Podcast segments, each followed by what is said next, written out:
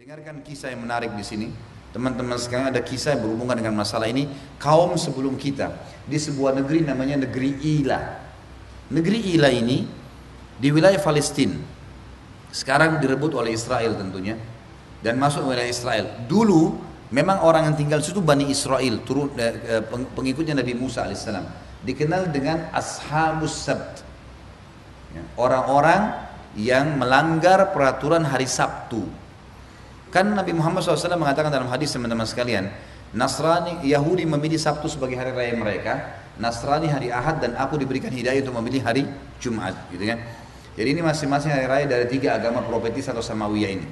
Yahudi di hari Sabtu dalam hukum Taurat mereka nggak boleh melakukan kegiatan apa pun. Tidak boleh mancing, tidak boleh beraktivitas bisnis, nggak boleh berperang di hari Sabtu. Ada hukum-hukum. Mereka nggak boleh. Kebetulan penduduk negeri Ila ini tinggal pas di pesisir pantai. Kalau teman-teman nanti satu waktu mungkin umroh plus Aqsa biasanya mampir di Yordania. Salah satu program travel kalau saya kemarin untuk sana itu ngelewatin Laut Merah itu ada perbatasan empat negara. Ada ada Palestina yang sekarang direbut oleh Israel, semoga Allah menangkan tentunya. Kemudian ada Yordania, ada Saudi, ada Mesir, ada empat negara bersisi di sekitar nah di, di negara Israel sekarang yang paling dekat dengan pantai itu namanya negeri Ila. Dari Saudi bisa kelihatan dari Yordan bisa kelihatan. Dulu di situ ada kaum dari Bani Israel hidup dan Allah subhanahu wa ta'ala menurunkan hukum pada mereka tidak boleh mancing hari Sabtu. Dari masyarakat negeri Ila ada tiga golongan. Yang pertama orang yang melanggar. Apa yang mereka lakukan? Mereka nggak mancing hari Sabtu secara terang-terangan tapi mereka masang jala malam Sabtu Nanti diambil panen ikannya hari Ahad. Mau nipu Allah nih. Hmm. Ini orang-orang Yahudi luar biasa. Bukan cuma manusia ditipu, Allah mau ditipu. Mereka bilang kami nggak mancing, cuma masang jala saja, sama aja bohong. Ada golongan yang kedua melarang mereka nggak boleh mancing hari Sabtu, haram, hukumnya Allah. Waktu itu ya hukum Taurat. Sekali lagi, ini hukum Taurat. Jangan ada yang bilang sekarang Ustaz Khalid larang mancing hari Sabtu, halal mancing dalam Islam. Ini hukum dulu. Yang kedua memungkiri nggak boleh nih haram dalam Taurat mancing hari Sabtu. Jadi ada kelompok yang melanggar, ada kelompok yang ingkar mungkar. Ada kelompok ketiga, orang beriman juga. Tapi kelompok ketiga ini bukannya melarang kelompok pertama, malah menahan kelompok kedua. Dia bukan datang ke pertama, dia bukan gabung sama yang kedua, ayo kita pungkirin yuk. Biar mayoritas orang yang melarang ini lebih besar. Nggak boleh nih, bahaya. Gitu kan. Enggak, dia datang ke kelompok tiga, datang ke kelompok dua lalu mengatakan sudahlah. Untuk apa ingatin mereka? Kalau mereka melanggar nanti Allah binasakan. Tidak usah, tidak usah pusing, biarin aja orang buat. Yang terjadi apa teman-teman sekalian? Waktu datang azabnya Allah menghukum wilayah Ila, Allah selamatkan kelompok yang kedua, kelompok satu dan kelompok tiga dibinasakan. Kelompok tiga, orang beriman. Karena tidak ingkar mungkar, malah melarang orang yang ingkar mungkar, maka mereka dibinasakan sama Allah SWT.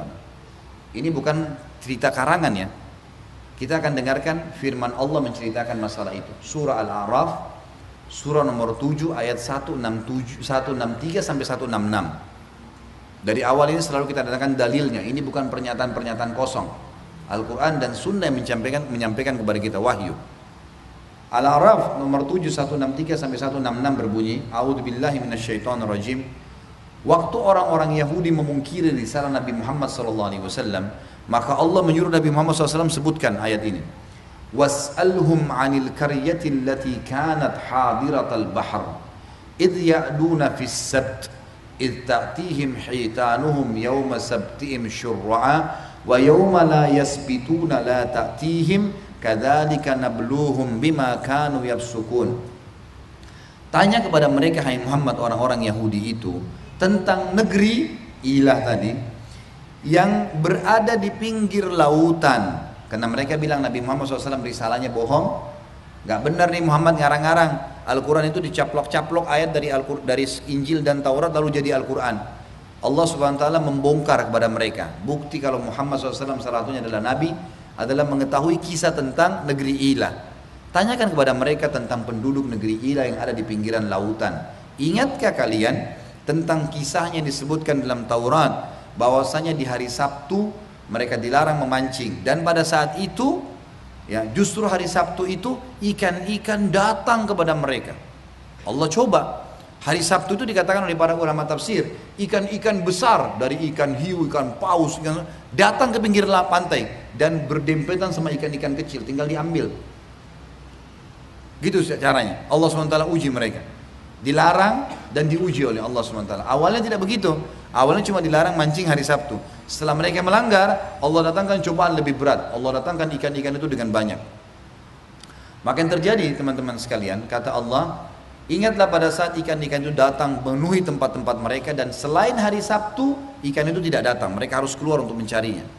Begitulah kami menguji mereka karena mereka berbuat kefasikan. Wa idh qalat ummatum minhum lima ta'iluna qauman illahu muhlikuhum aw mu'adzibuhum adzaban syadida qalu ma'dziratan ila rabbikum wa la'allahum yattaqun. Tadi itu ayat 163 sekarang 164. Allah menceritakan tentang tiga golongan tadi. Ada yang berbuat kemungkaran, ada yang mengungkiri, ada yang melarang yang berbuat mungkar. Ini sekarang pembicaraan antara orang yang mengingkar mungkar dengan orang yang melarang orang yang ingkar mungkar. Kelompok kedua dan kelompok ketiga. Ingatlah pada saat umat yang ketiga yang tidak melarang orang buat mungkar malah menahan orang yang ingkar mungkar berkata kepada orang yang ingkar mungkar kenapa kalian harus repot-repot mengingatkan kaum yang nanti juga Allah akan binasakan mereka apa alasan kalian? Biarin aja bermaksiat, nggak apa-apa. Kita taat ya kita taat. Ya, malah dia larang orang-orang ini buat kemungkaran. Ini ke masjid sama-sama. Ayo pak sholat, udahlah biarin aja. Mereka nggak mau sholat, dilarang temannya. Enggak, ikut dong lurusin gitu kan. Nah di sini orang-orang yang ingkar mungkar berkata, kami ingin berlepas agar punya alasan di hadapan Tuhan kami hari kiamat agar kami ini ya selamat. Allah suruh ingkar mungkar, kami ingkar mungkar. Dan siapa tahu, siapa tahu mereka bertakwa. Mereka mau terima nasihat itu. Falamma nasu ma dzukiru bihi 165-nya pada saat mereka lupa terhadap apa yang diingatkan kepada mereka, dinasihatin gak mau dengar, anjainal ladina yanhauna anissu. Kami selamatkan golongan kedua tadi yang melarang dari perbuatan buruk itu.